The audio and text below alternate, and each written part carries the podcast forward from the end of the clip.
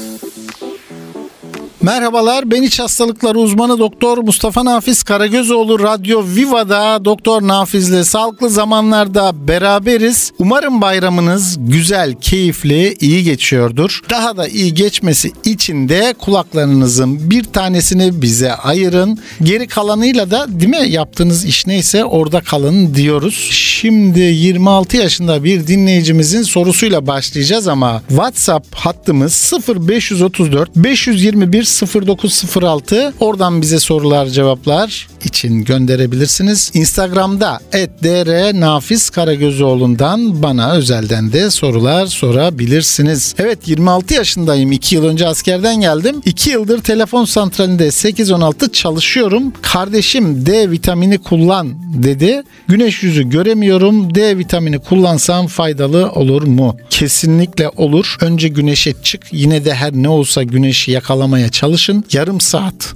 dirseğe kadar kollar, dizlere kadar bacaklar yarım saat güneşle temas etse ihtiyacı olan D vitamini üretiyor. Onun için D vitamini evet kullanman faydalı. Öncelikle bir kan tahlili yaptır. Çünkü ortalama şu an sendeki seviyeyi bilmek iyi olacak. Ona göre de plan yapacağız. Önce tedavi planı yapacağız. Sonra takip planı yapacağız. Erişkinde yaklaşık olarak 50-60 istiyoruz en az. Sendeki duruma göre de D vitaminini tedavi olarak nasıl vereceğiz, konuşacağız. D vitamini yağda eriyen bir vitamindir. Depo edilir. Onun için bazen depo miktarlarda veririz. Hastalarımızın çoğu kez kafası karışık gelirler. Çok internet sayfası karıştırmışlardır. Orada da farklı sebeplerle yapılan farklı ifadeleri birbiriyle çelişen durumlar olarak düşünürler. Bunlara kafa yormayın. Doktorunuz ne diyorsa onu yapın. Ee, bununla beraber e, görev olarak size neler yaptığını anlatayım. Özellikle kemik yapı ve onunla ilgili dokular için önemlidir. Yağda eriyen ve kalsiyum fosforun sindirim yollarında kullanımında da faydaları olan bir vitamin D vitamini özellikle çocuklarda büyüme için de gerekli. Süt çocukları et yemeyenler, güneş teması az olanlar ve yaşlılarda ki pandemide artık bütün dünyada D vitamini eksikliği de bir pandemi oldu diye bilirim. Bu nedenle D vitamini kıymetlidir. Kullanmalısın. Mutlaka ölçtürerek takipte etmelisin. Radyo Viva'da sağlıklı zamanlar devam ediyor. 43 yaşında bir dinleyicimiz şöyle diyor. Şeker hastalığım çıktı. Arkadaşım kalp krizi geçirsin dikkat et dedi. Şeker kalp hastalığı yapar mı? Evet yapar ama bu arkadaşın da kalp hastalığı yapar anladığım kadarıyla. Yeni başlayan bir hastalıkta hemen kalp krizi riskini tanımlamak değil mi? Bu hastalığa atıfta bulunmak için çok yüksek bir kaygı düzeyi gerektirir. Evet seni uyarmak belki dostunu korumak için söylüyor olabilir ama ama gerilimin kendisi şekeri azdırır. Gerilimin kendisi kendi başına bir kalp hastalığı yaptırır. Bunu unutmayalım. Özellikle şeker hastalığı, hastalık yaşı arttıkça orada da düzensizlik, yüksek kan şekeriyle giden dönemler oldukça damar tıkanmasına sebep olabilir. Tabii ki kalp damar hastalıkları dünyanın en çok ölüme sebep olan hastalıkları. Altta bir de şeker hastalığı varsa işte o zaman evet durum feci. Hangi konuda? iç hastalığı olduğu için gözü görmüyor kimsenin bu konuda. Tedbir de almıyor. İş işten geçince farkına varıyor. Buraya dikkat edelim. Şeker kötü bakılırsa, tedbir alınmazsa, periz yapılmazsa tabii ki kalp damar hastalıklarına sebep olur. Damar tıkanınca enfarktüs, enfarktüs olacak kalp yetmezliği. Bunlar da hayatla bağdaşmayan süreçler olabilir. Özellikle şeker hastalığı, tansiyon ve diğer damar hastalıklarıyla bir aradaysa hayati tehdit edici riskler en az 4 kat daha fazla oluyor. Önce dikkat edelim güzel periz, güzel hareket. Doktor takibinde kaldık mı da gönlümüzde ferah tuttuktan sonra değil mi? Bu işler yoluna girer kafayı takmayın. Doktor Nafiz'le sağlıklı zamanlar 39 yaşında tansiyon hastası olan bir dinleyicimiz. Şu anki yaşını yazmamış. Sorusuyla devam ediyoruz. Şöyle demiş 37-39 yaşında tansiyon hastası oldum yetmedi. Şimdi hanımla kardeş olduk. Yetmedi akıntım başladı. Ben bittim be hocam bir kanser kaldı olmadığım yakında o da olur herhalde benden bir şey olur mu? Bir kere bu kanseri filan kenara koyalım. Depresyona girmişsin hocam sen. Silkelenip kendine gelmen lazım. Her ne sorun varsa çözümüyle uğraşacağız. Neden bu sorun başıma geldi sorusu değil mi? Tedavi için bir anlam ifade ediyorsa sorulur. Üzülüp orada kalıp bir de üstüne depresyona girip onun kattığı sorunları da yaşamamak lazım. Senden bir şey niye olmasın? Umudunu niye bitirdin onu anlamadık. Çok sık rastladığımız şikayetler bunlar. İktidar diye tarif ettiğimiz şey kişinin kendini yeterli hissetmesidir. Kendini yetersiz hissettiğin için hemen depresyona girmişsin. Bunun kendisi de aslında yetersizlikleri arttırır. Tansiyonun yükselir, damar tıkanıklıkların olur. Üstüne yeni şikayetler eklenir. Yeni ilaçlar alırsın. Onların yan etkileri başlar. Tansiyon ilaçlarının cinsel isteği, sertleşmeyi olumsuz etkileyebildiğim değil mi? Biliniyor. Şimdi bak nasıl her şey artıyor. O zaman önce şöyle bir kendine gel. Stresle ilgili kaygılarını kenara koy. Bu ön yargılarını bir tarafa bırak. Efendime söyleyeyim. Tahlillerine başlayalım. Değil mi? Özellikle sen kendine düzenli gideceğin bir doktor seç. Bir numaralı iş o. Ardından da bütün bunları bir yoluna koyalım. Tahlilsiz, takipsiz, tedavisiz üzülmek değil mi bir işe yaramaz. Kanseri hemen her şeyin altına da yapıştırmayın. Değil mi? Öyle çok da sıradan bir şey de değil kanser. Haydi bakalım başlıyoruz. Silkelen kendine gel muayene edelim. Doktor Nafiz'le sağlıklı zamanlar devam ediyor. Kilolu 26 yaşındaki dinleyicimizin sorusu var. Sınavlar vardı, stresteydim, öksürmeye başladım. Yatıyorum öksürük başlıyor, kalkıyorum düzeliyor. Covid'dim, değildim diye gerilmekten yoruldum. Yatar yatmaz Covid başlar mı? Böyle öksürük olur mu? Şaka mı bu? Hacı yatmaz mikrobu dedi arkadaşlar. Bu nedir acaba? O mizah o. Hacı yatmaz mikrobu o mizah o. Güzel olmuş ama yani. Bir kere bu pozisyona bağlı öksürükler enfeksiyonlardan ziyade özellikle şişman hastalarda reflü de olur. Reflü geriye kaçış demektir. Mide asidiniz pozisyona bağlı olarak yani yatar hale geldiğinizde Hacı Yatmaz'ın yatar pozisyonu var ya o pozisyona geldiğinizde mide içindeki asit yemek borusundan soluk borusuna kadar gidebilir. Öksürük de koruyucu bir refleks olarak içine giren mide asidini dışarı atar. İşte onun için her pozisyon değişikliğinde öksürük olur. Alerjiyle çok karıştırılır. Bu açıdan e, hemen seni değerlendirmemiz lazım. Bir üst sindirim sistemi endoskopisi çok önemli olacak. Bir kez kulak burun boğaz uzmanı muayene edecek. Özellikle tıkalı burunlar hava yutulduğunda aerofaji dediğimiz havayı yediğimiz sebeplerde bunlar neler? İşte çerezler, sakız çiğneme, sigara içme. İçeriye çok hava gönderdiğimizde reflüler artar. İyi de çiğneyemediğimiz durumlarda reflüler artar. Bunları hemen toparlayalım. Tanıyı bir koyalım. Yattığın zaman öksürüğün artmasın. Bunlara ait ilaçlar var ama en önemlisi kilo vermen olacak. Öyle görünüyor. Stres kontrolü olacak. Çünkü streste mide asidinin miktarı da şiddeti de artıyor. O zaman öksürüğe yansır bu. Bak hepsi birbirine bağlı değil mi? Zincirleme bir trafik kazası gibi bu. Ön tarafta biri sorun yaşadı mı arkadaki araçlar arka arkaya birbirine giriyor maalesef. Sorunlar da çok büyüyor. Stres yok, çözüm var. Arkadaşlarına mizah için teşekkür. Doktor Nafiz'le Sağlıklı Zamanlar Radyo Viva'da devam ediyor 0534 521 0906 WhatsApp hattımız et dr Nafiz Karagözoğlu Instagram'dan ulaşabilirsiniz sorular için. Şimdi biz 5 kardeşiz. Abimin 3 çocuğu var. 5 yıllık evli. Kardeşim 2 yıllık evli. 2 çocuğu var. Ben 1 yıllık evliyim. Hiç çocuğum yok. Niye demiş dinleyicimiz. Evet formül zor değil mi? Şimdi bir e, abilerinle ya da evlilik yıllarıyla ilgili değil süreçler böyle bir kıyaslama yapmayalım. Normalde her evli çiftin çocuk sahibi olma ihtimali kendine özel olarak değişir. Herkes farklı. Sen de farklısın. Eşin de farklı. Sağlıklı bile olsanız her cinsel ilişki gebelikle ve sağlıklı doğumla sonuçlanmıyor. Bunu unutmayalım. Ama eğer bir yıllık evliyseniz ve korunmasız bir yıl boyunca gebelik gerçekleşmedi ise bu konuda bir iç hastalıkları uzmanı, üroloji ve kadın hastalıkları uzmanı bir arada sizi değerlendirebilir. Buna şimdi başlayabilirsiniz. Burada hormonlarınız, kan şeker düzeyleriniz, kansızlıklarınız da dahil. Özellikle yumurtlama fonksiyonları, erkekte işte sperm sayısı, yeterliliği fonksiyonları bütün bunlar gözden geçirilmeli ve size özel tanımlı bir süreç var mı bilinmeli ki tedbirini alasınız. Eğer çocuk sahibi olmak istiyorsanız da tanımların içerisinde bir hasta hastalık ortaya çıkarsa onların tedavileri içinde yeterince vaktiniz olsun diyoruz. Ama bunu da bir kaygı vesilesi yapma. Hani abilerinle değil mi? Çocuk yarıştırma deriz genel tarif bu. E, derin bir nefes al, kaygını azalt, eşinin de kaygısını azalt. Değil mi? Bu bir yarış filan da değil. Keyifle, sağlıklı ömürler, içine de hayırlı evlatlar diliyoruz.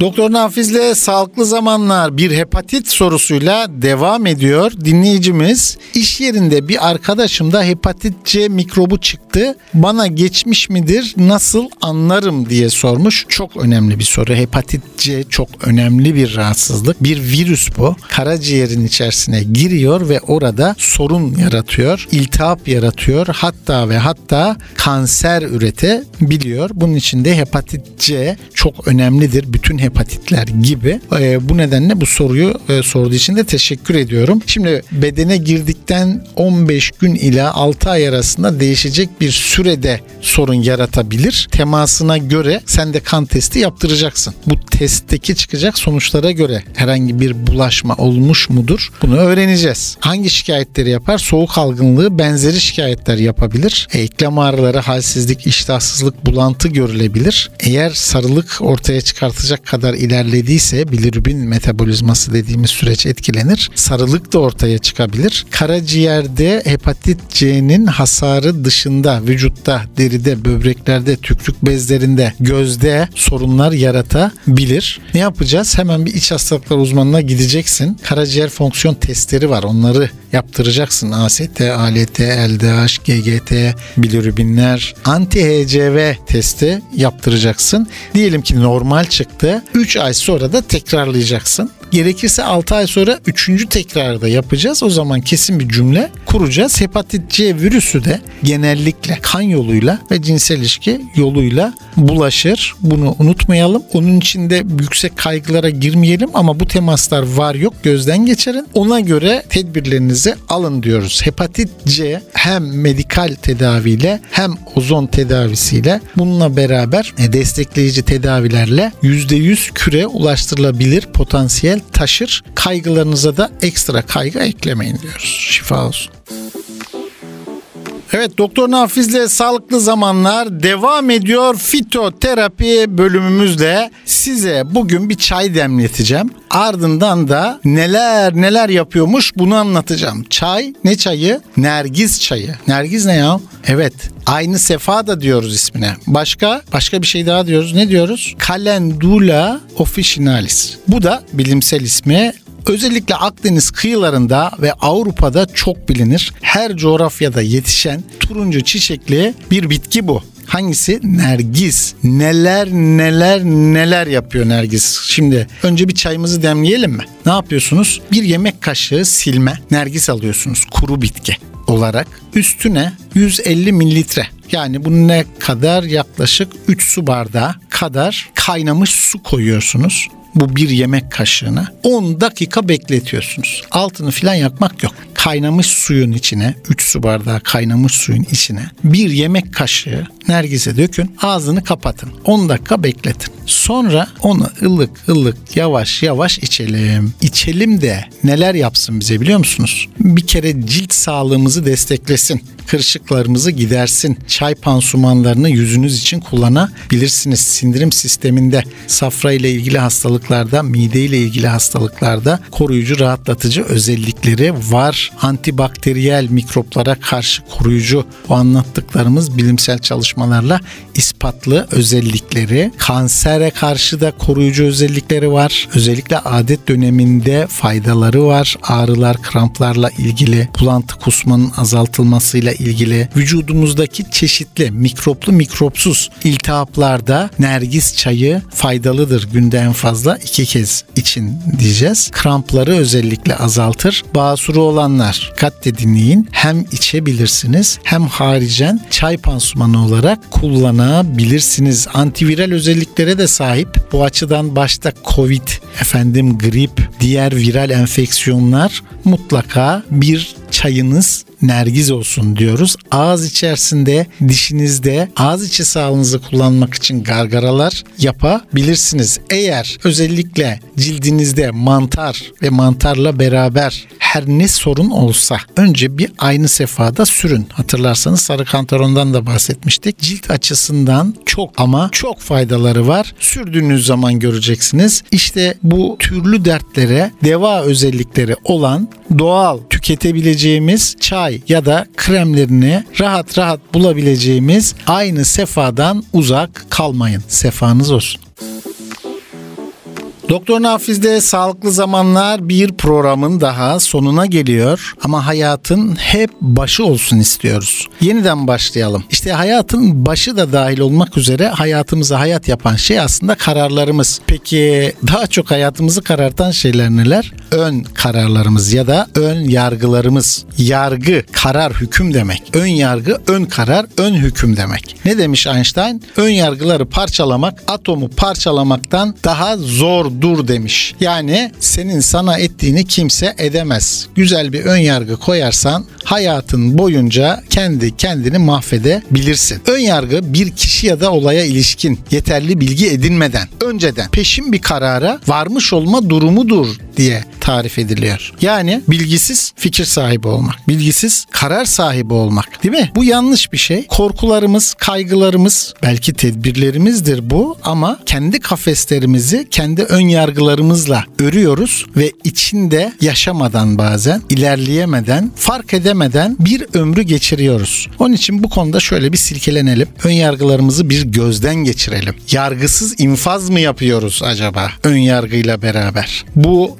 diğerleriyle ilgili aldığımız kararlarda diğerlerinin yargısız infazı, kendimizle ilgili aldığımız kararlarda da gelişemememiz, tadamamamız değil mi? Yemediğiniz bir yemekle ilgili ben bunu sevmem diyoruz. Nasıl yedin mi? Yok. E nasıl sevmezsin? İşte yani sevmem yani. E ama senin sana verdiğin bir ceza mı acaba bu? Niye bu cezayı hak etmiş olasın ki? Tat ve beğenmiyorsan devam etme. Bu bir sorun değil. Ama yeniliğe karşı açık olmamak daraltıcı bir şeydir. Hoş görüsüzlüktür önce kendinize karşı sonra diğerlerine karşı, konulara karşı değil mi? Yeteneklerinize karşı ön yargılarınız olabilir. Eskiler bu zan etmek kısmına su izan ya da hüsnü zan, güzel zannetmek ya da kötü zannetmek, güzel ön yargı ya da kötü ön yargı demiş. Demek ki ön yargıyı da nasıl kullandığınızla ilgili aslında hayatınıza vereceğiniz yön. Kendinizi bir gözden geçirin. Ben öyle yapıyorum. Kendi ön yargılarımı yakalamaya çalışıyorum, tespit etmeye çalışıyorum. Bunu nasıl aşarım diye kendi kendime programlar yapmaya çalışıyorum. O yüzden ne yapacağız? Yaratıcılığımız için, yeniliklerle karşılaşmamız için,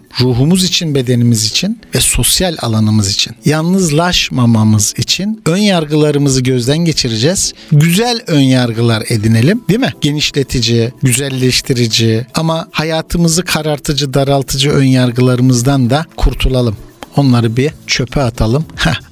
Einstein'ın söylediği laf üzerine iki dakikada ben ne yapacaksam ön yargısına kapılmıyorum. Çok şey yapacağız diyorum. Siz de kendi ön yargınızı yıkın. Bir kişi bile ön yargısının bir tanesini bile temizlese işte bu başarıdır diyorum. Sizler de etrafınızdakilerin ön yargılarından kurtulması için çalışma çabalarınızı eksik etmeyin. Keyfinize bakın, güzel günler geçirin, hatıralarla doldurun. Hayat kısa. Programımız gibi. Görüşmek üzere.